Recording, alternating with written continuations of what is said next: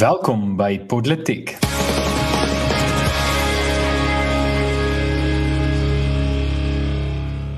My naam is Rainer Dievenage en saam met my ateljee is op die oomblik net Paul Marits. Ek hoop Erns van Sail gaan later by ons aansluit uh, vandag. Die man sit net 'n bietjie in die verkeer vas. maar uh, ook soos julle kan sien, ongelukkig het die kantoor se krag ook nou net afgegaan terwyl die ligte het afgegaan by die kantoor, so ek moet dit ook nou gaan uitsorteer vinnig as uh, Paul nou 'n uh, bietjie gesels met ons. Maar um, ja, kom ons uh, ten spyte van al die dinge wat nou soos soort van verkeerd geloop het hier in die begin van die episode. Kom ons ontmoet ons hierdie week uh, se politiek. En ons begin by 'n baie interessante storie en dit is dat die eh, voormalige leier van die DA en dis nou die einste Musi Maimane onlangs 'n nuwe party gestig het. En uh, Paul het 'n bietjie meer hieroor gelees en hy het bietjie navorsing gedoen en hy gaan ons 'n bietjie vertel wat ehm um, wat hier aangaan. Yes, dankie Rainer, ek waardeer dit. Ag en uh, ek ken daai storie van krag wat afgaan so bekommer nie ek sal uh, ek ek daarom lang asem van tyd tot tyd so ek sal ek sal probeer om 'n uh, bietjie iets daaroor te sê. Okay, goed. So kom ons spring weg Musi my manie. Natuurlik my manie was hierdie ehm um, in 'n sekere mate dink ek Helen Zille se opvolgplan, jy weet, so uh, hy het, hy het nou Helen Zille die party oorgeneem en hy was 'n baie indrukwekkende spreker in die parlement. So ek ek dink ons het almal besef dat as die DA wil groei en hulle het dit self ook gesê, as hulle wil groei, dan gaan hulle groei onder die swart stem. Daar was nie vreeslik ruimte, miskien hulle kon bietjie die Vryheidsfront se se kiesers probeer teiken het en hulle doen dit in elk geval um, op plaaslike voedselvlak, maar wat hulle kon doen uh ten minste vir die uh vir, vir die oomblik is hulle hulle kon ANC kiesers teiken. Ek dink Musi Maimane was hulle teiken dat dit doen. Ons weet dat ehm um, ten spyte van die feit dat dit in 2016 goeie vrugte afgewerp het met Johannesburg en Gauteng se goeie resultate waar hulle Pretoria en Johannesburg metro's gevat het en so aan, het dit in 2019 nie die groei opgelewer wat hulle gehoop het nie. Ehm um, en dit het daartoe gelei dat onder andere Maimane maar ook Herman Mashaba uit die party het is. En vir die eerste paar maande toe nadat hulle uit die DA uit is, het dit voorgekom asof Maimani en Mashaba saam 'n party gaan stig. Hulle het oor 'n paar goed gesels en toe was daar duidelik onenigheid tussen hulle. Ek vermoed en, en dit kan wees dat dit amptelik ergens opgeteken is dat die hoofrede daarvoor was dat hulle nie kon saamstem wie die leier van die party sou wees nie. Want ek dink nie dis onmoontlik om te dink dat ergens in die volgende 20 jaar of my manie of my shaba 'n president van Suid-Afrika sou kon wees nie. So ek dink vir hulle was dit 'n belangrike onderskeid om te maak. Nou ja, my shaba het toe Action SA gestig. Daaroor het ons op politiek heelwat gesê 'n paar jaar terug. Vir die vriende wat daar langstel, julle kan gaan kyk na daai episode.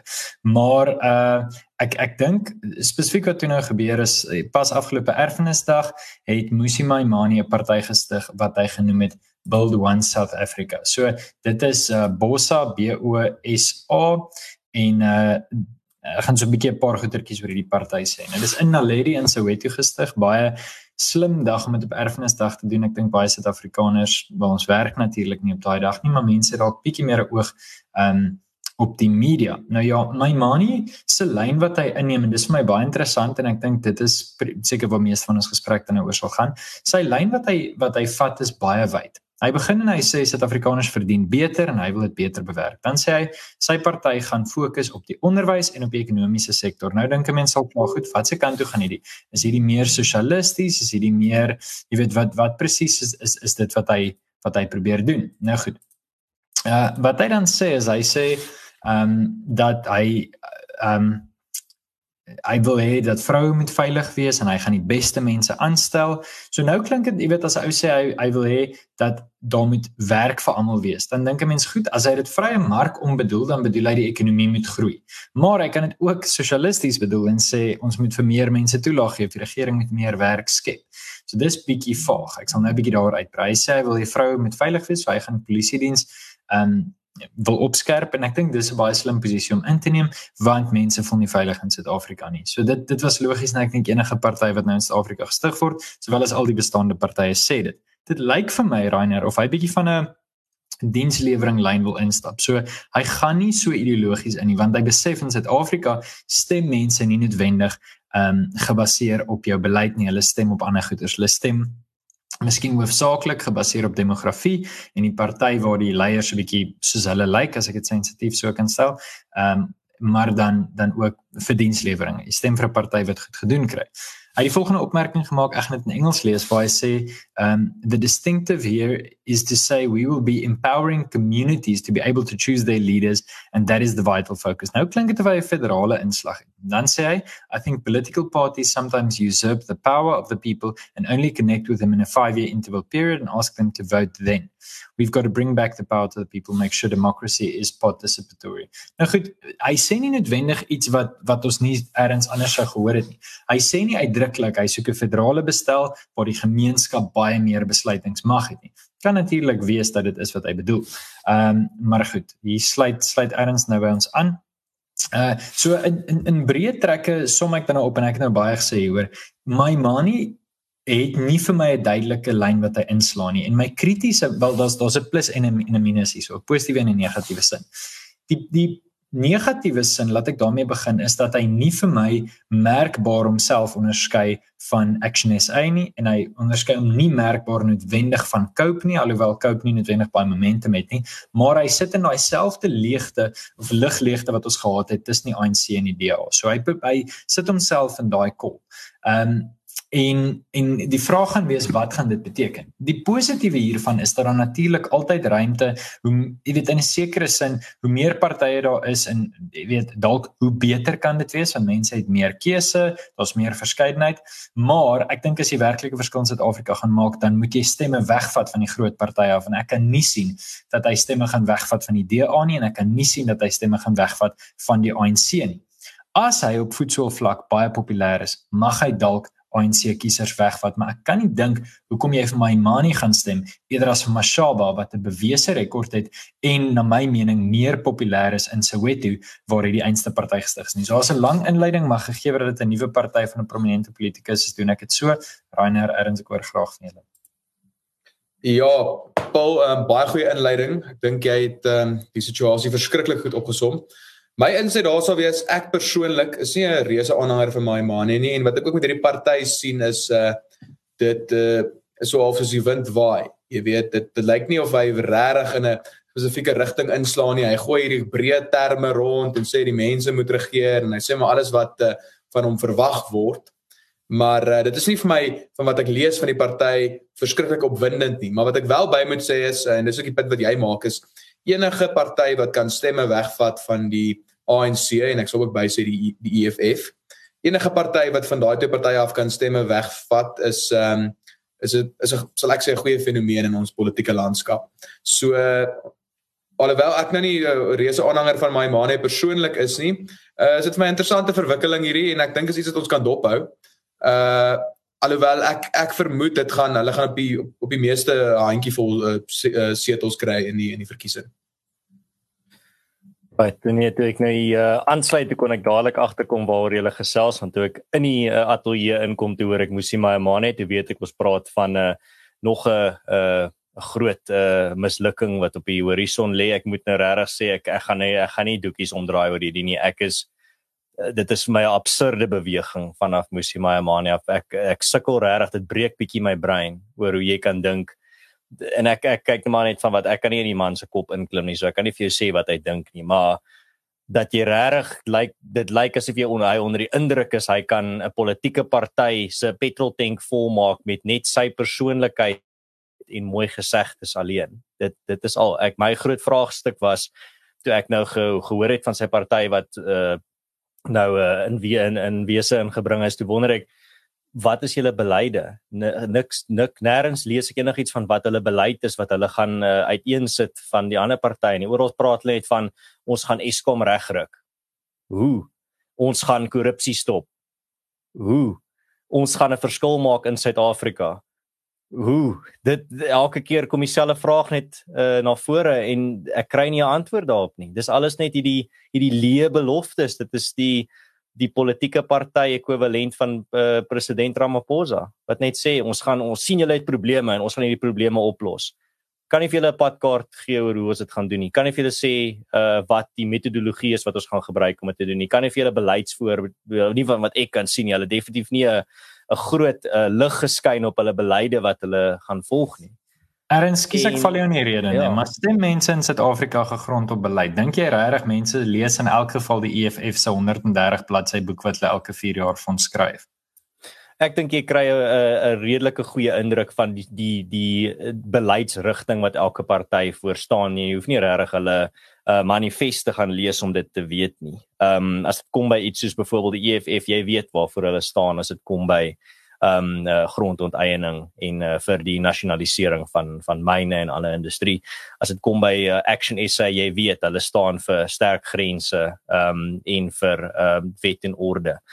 Kom my moesie my Maniese party, ek weet nie waarvoor hulle staan nie. Dit is dis eintlik hulle hy lei bietjie aan 'n 'n Hillary Clinton sindroom waar kom ons vergelyk die uh ehm um, para ons uh, vergelyk Donald Trump se lese met Hillary Clinton se lese. Donald Trump se lese was eenvoudig, we will make America great again. So as jy die vraag vra wat gaan wat gaan hy doen? Hoe gaan dit doen?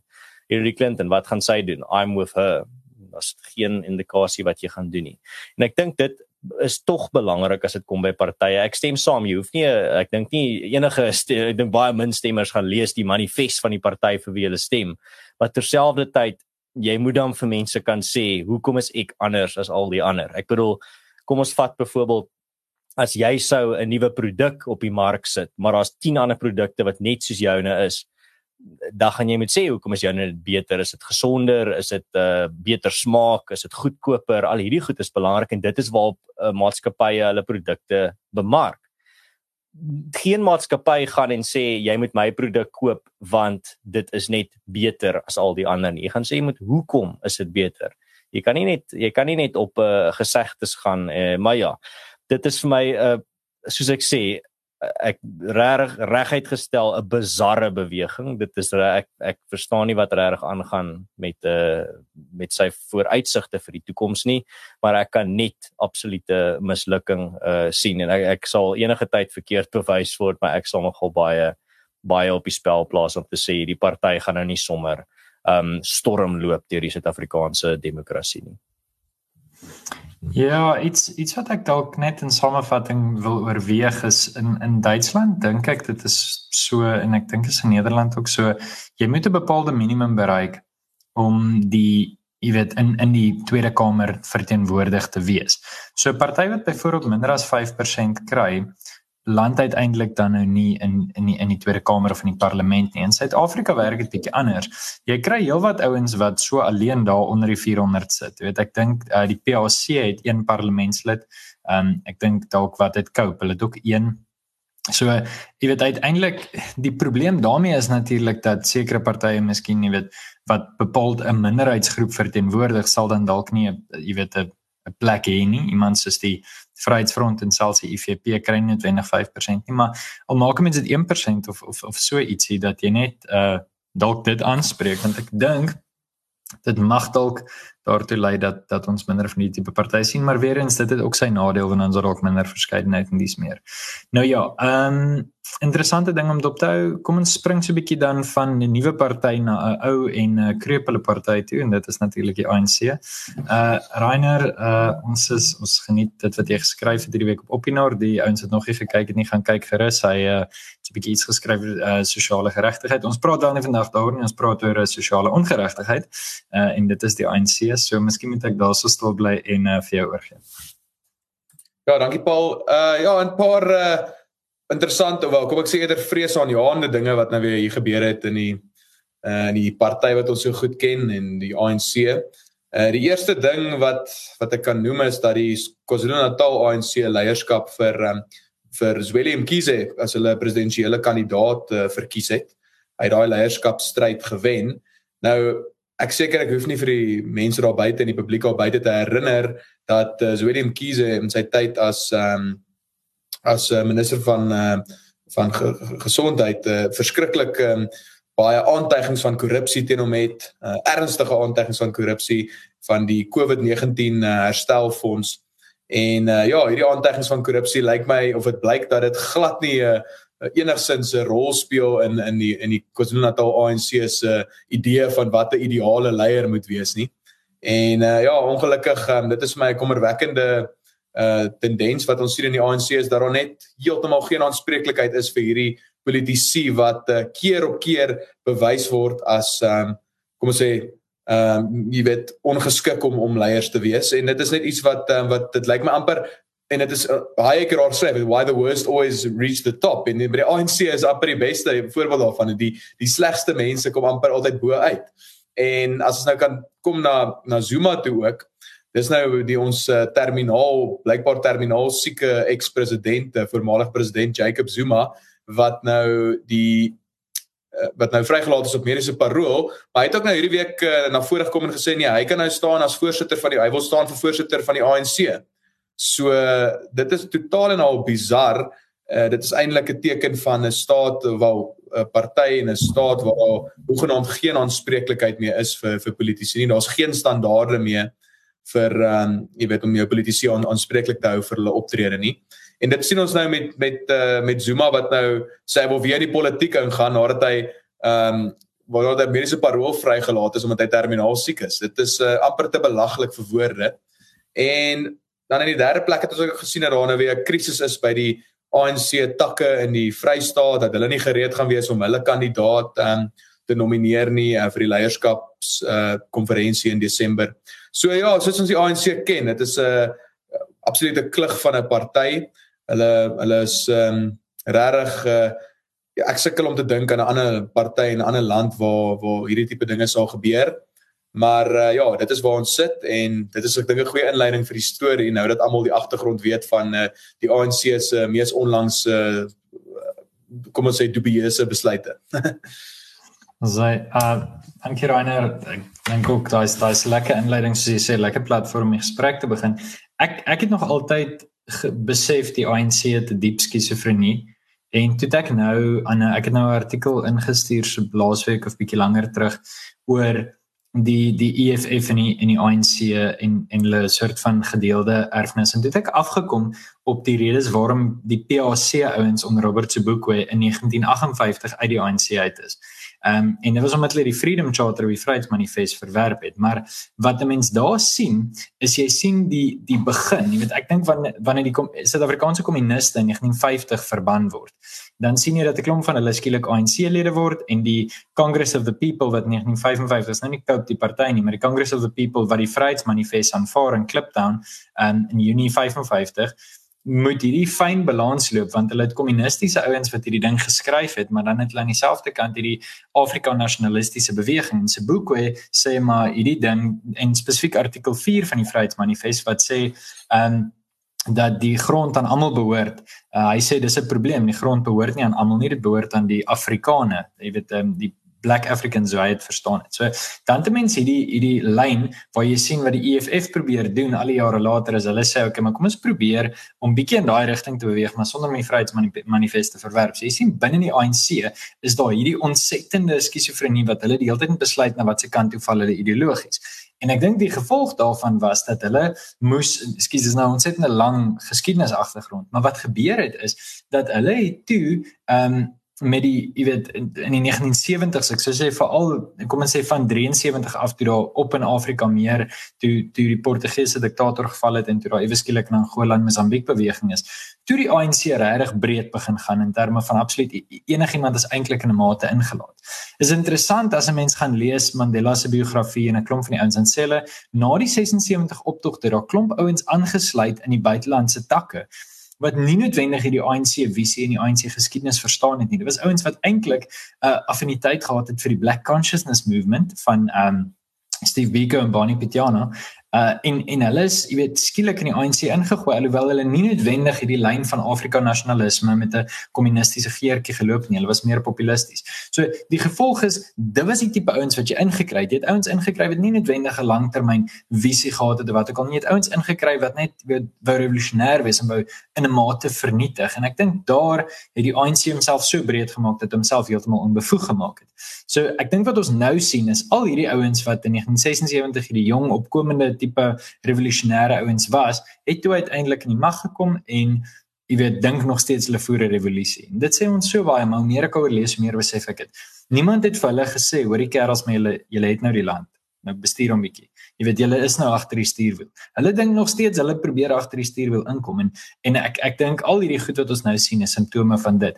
Ekskuus Erns, dit was nou baie filosofiese stukkie, maar baie gesê al die kommentaar wat jy voorberei het is seker nog relevant want ek het nie regtig gereageer nie, so ekskuus. Nee, daar. dankie Paul, jy het net vir my 'n lekker konteks um konteksfondasie ook daar gelê. Um ek sou eintlik wil bylas deur meer kontemporêr te kyk wat hier aan die gang is en wat ons maar hierso sien is die die aard van politiek in Suid-Afrika, maar nie net die aard van politiek in Suid-Afrika en in, in ander lande ook.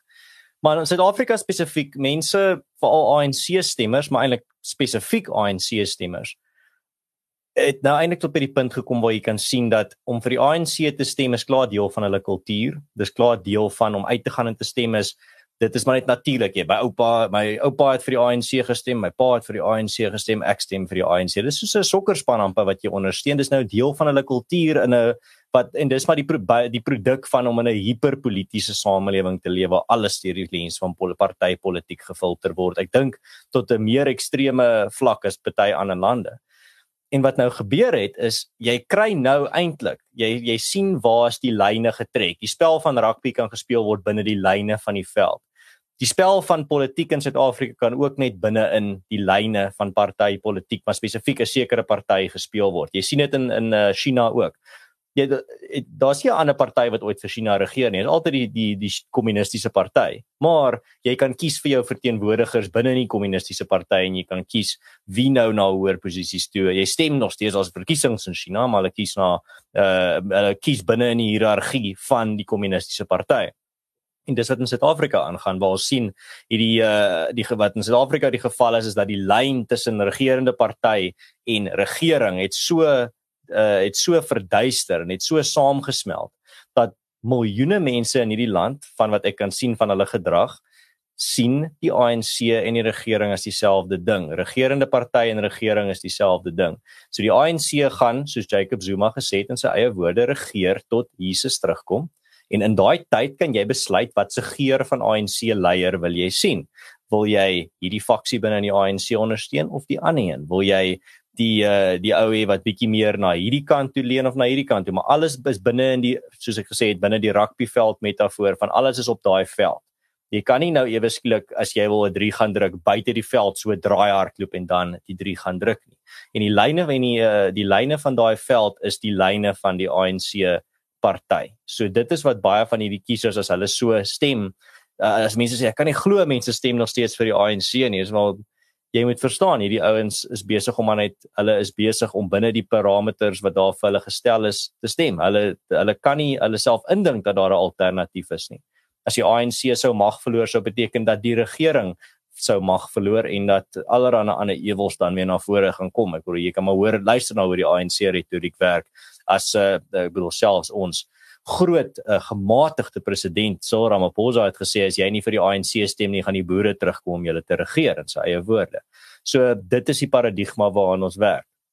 Die ANC word gesien as 'n party wat vir altyd gaan regeer en jy het ongelooflike vryheid binne in die perke van jy kan stem vir jou geur van ANC kader wie jy wil hê jy moet verteenwoordig binne in daai uh opset. En dit is die realiteit en dit is wat ons hierso sien met uh, Zweli Mkhize wat weer terug in die uh, in die spel in verwelkom word na 'n uh, valse rooi kaart uh wat eintlik uh, net 'n uh, nog 'n klug is vir 'n uh, vir ons stelsel en nie in die orde waarin ons leef. Ja, dis dis ontsettend interessant. Ehm um, nou ja, ek dink ehm uh, gegeewe die die twee plaaslike outjies waarna ons nou geloer het, is dit dalk tyd om so 'n bietjie internasionaal te praat. Dit 'n paar interessante internasionale goed gebeur. Natuurlik dink ek uh, dit rondom die Italiaanse nuwe eerste minister is baie interessant en is 'n storie wat ons ook dophou, maar miskien die meer drukkende storie ehm um, is die is is natuurlik die probleme wat op hierdie stadium is met die Nord Stream 2 of die Nord Stream 1 die ehm um, die gaspipeline en uh, erns as 'n uh, as kenner van beide oseane en en hitte nee okay skus um, as as as ou met rooi hare en kenner van vlamme nee ek ek weet nie ek het nie ek ek het nie 'n sinvolle opmerking nie. Miskien moet jy net vertel waaroor die storie gaan nee wat uh, ek gaan nou nie eens probeer uh, uh om dit uit te spreek soos wat jy dit nou korrek daar uitgespreek het nie Paul maar ja dit is die uh, Noordstroom 2 uh, is die pipeline wat daar vir Rusland met uh, Duitsland verbind uh, met natuurlike gas. En dit is nou onlangs gebou en dit was toe ek dink aan die begin, ek dink op 1 September het Rusland die kraantjie toegedraai sodat Duitsland nie meer kan uh uh gas kan kry deur daai pipeline nie en dit was weens die ehm um, dit was weens die sanksies wat er is ag wat Duitsland op Rusland gesit het. En dit is nou dit was nou Rusland se troefkaart. Maar nou hierdie week het iets baie kommerwekkend gebeur. Daar was 'n uh, groot uh gat wat ewe skielik verskyn het binne in daardie pyp en daai pipeline het toe begin ongelooflik baie gas lek in die oseaan in. Nou baie mense vra maar dit nie in gebruik was nie, hoekom uh, het daar gas begin lek uit die pipeline? Die ding is as daai pipeline nie gas in het nie, as hy as hy nie vol druk is nie, dan gaan die die druk van die oseaan hom plat maak.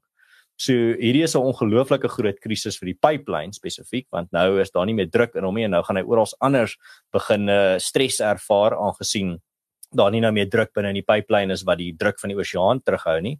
En tweedens, ehm um, van wat ek kan sien is hierdie pipeline nou vir dis nie iets wat sommer net oor 'n naweek reggemaak gaan word of wat volgende week reggemaak gaan word nie. Dit gaan vir maande, as dit nie jare gaan dit vat om dit reg te maak.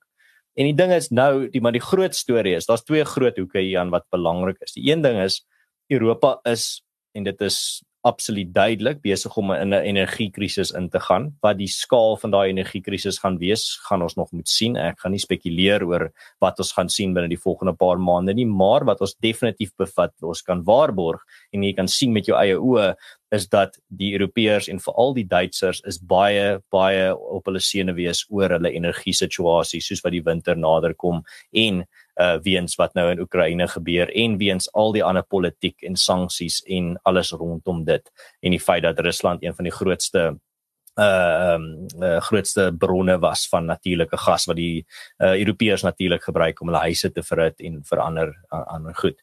Nou dit is die een kant, is die energiekrisis wat nou met 2 3 4 grade toegeneem het in van eh, dalk 'n uh, kode geel na kode oranje toe. Um die uh die die ernstigheid van die energiekrisis.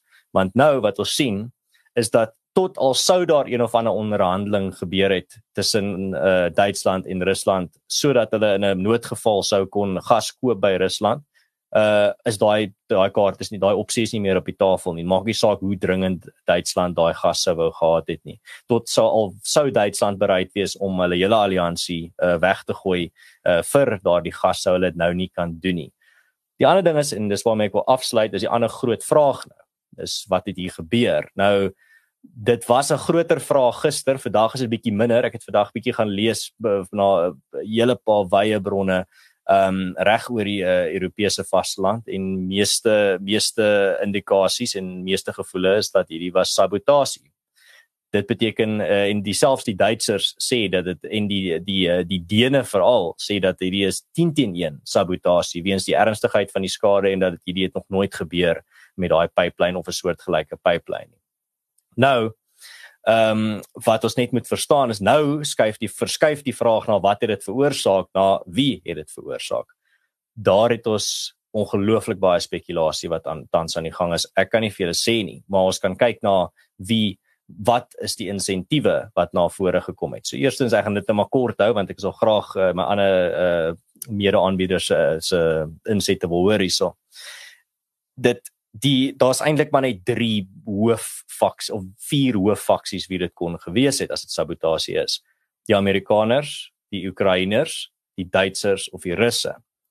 Die Russe, as ons kyk na hulle sal nie hulle eie pipeline opblaas en die die sterk kaart wat hulle in, in hulle in hulle hand het net weggooi nie, want nou kan hulle nie meer vir uh, vir Europa afpers en sê julle moet doen soos wat ons wil of anders dan gaan julle nie die gas kry nie. Hulle het nou ewe skielik daai kaart is glad nie meer op die tafel nie. So dit van wat ek kan sien is dit glad nie in hulle voordeel om dit te doen nie.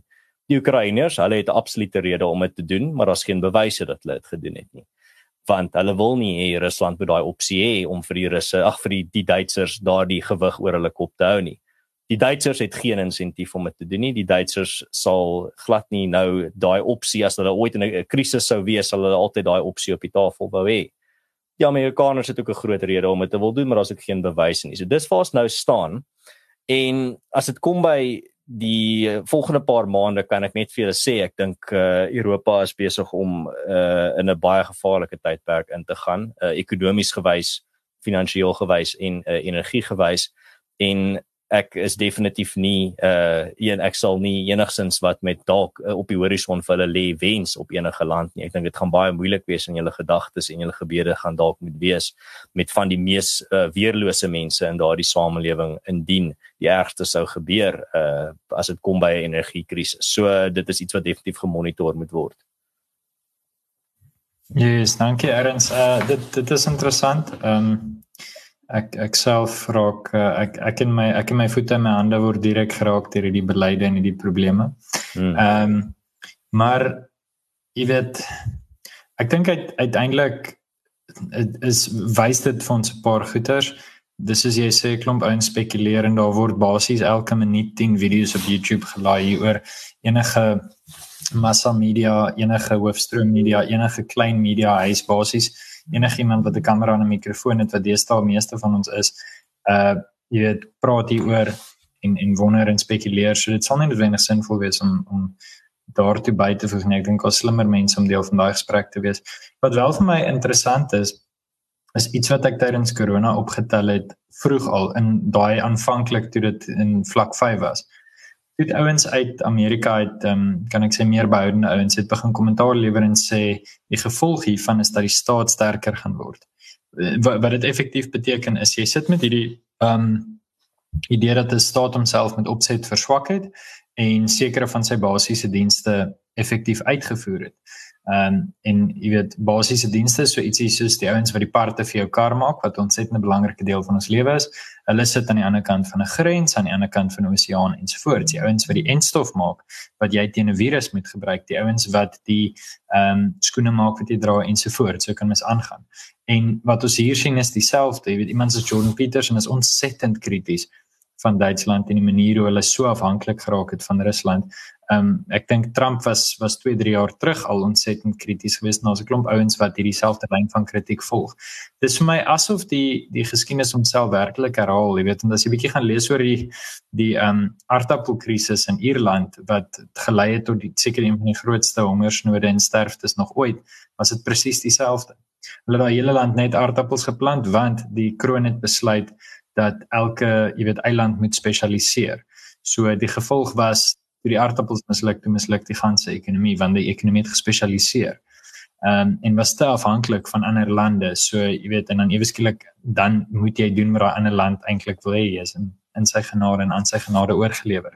So in 'n sekere mate is dat ek dit wat ek hier sien en ehm um, ek dink jy weet dis interessante tye wat kom uh vir Europa ek kan maar net uit uit my ervaring net wat ek sien kan ek sê dat inflasie nog as hoog is jy weet ietsie soos 'n 'n pakkie worsies. Sou jy weet het, het die prys omtrent 20% verhoog in die laaste 6 maande. Uh ietsie soos 'n uh, basiese kaasproduk en melkproduk en so 'n selfde storie. Ek ek het nie 'n kar nie maar ek meen brandstofpryse is geweldig hoog en dit natuurlik lei tot alles anders. So ehm um, en treinkaartjies en die tipe goeders alles alles neem maar toe. So dit is uh dis 'n klomp dinge wat gebeur het en 'n klomp interessante goeders. Uh wil een van julle ouens nog 'n uh, opmerkingkie daaroor maak of sal ek vir ons die uh episode afsluitend saamvat?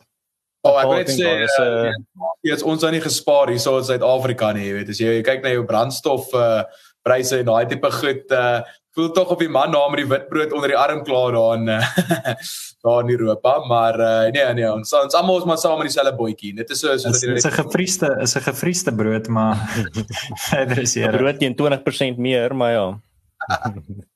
Right, Adams, wou jy nog iets gesê? Zero. Nee, wat ek dink uh, ek dink daar is 'n goeie noot om op te eindig. Ek dink wel uh, dit is soos jy sê, dis interessant uh, wat ons rondom ons sien aangaan, maar ja, ek dink mense moet dalk net uh, bewus wees van die feit dat ehm um, dit is nie onmoontlik dat ons nogal harde tye rondom ons gaan sien binne die volgende paar maande nie, maar dit gaan 'n tyd wees wanneer jy juis gaan moet ontnonsens vir jouself want daar gaan baie baie rondom jou aangaan en daar gaan baie verskillende stories wees oor wie sit nou regtig agter wat. So ek sal ons uh, ehm um, ons gehoor aanraai om 'n oop kop te bly en dink vir jouself. Ehm um, want as jy nie vir jouself dink, jy gaan ander vir jou dink.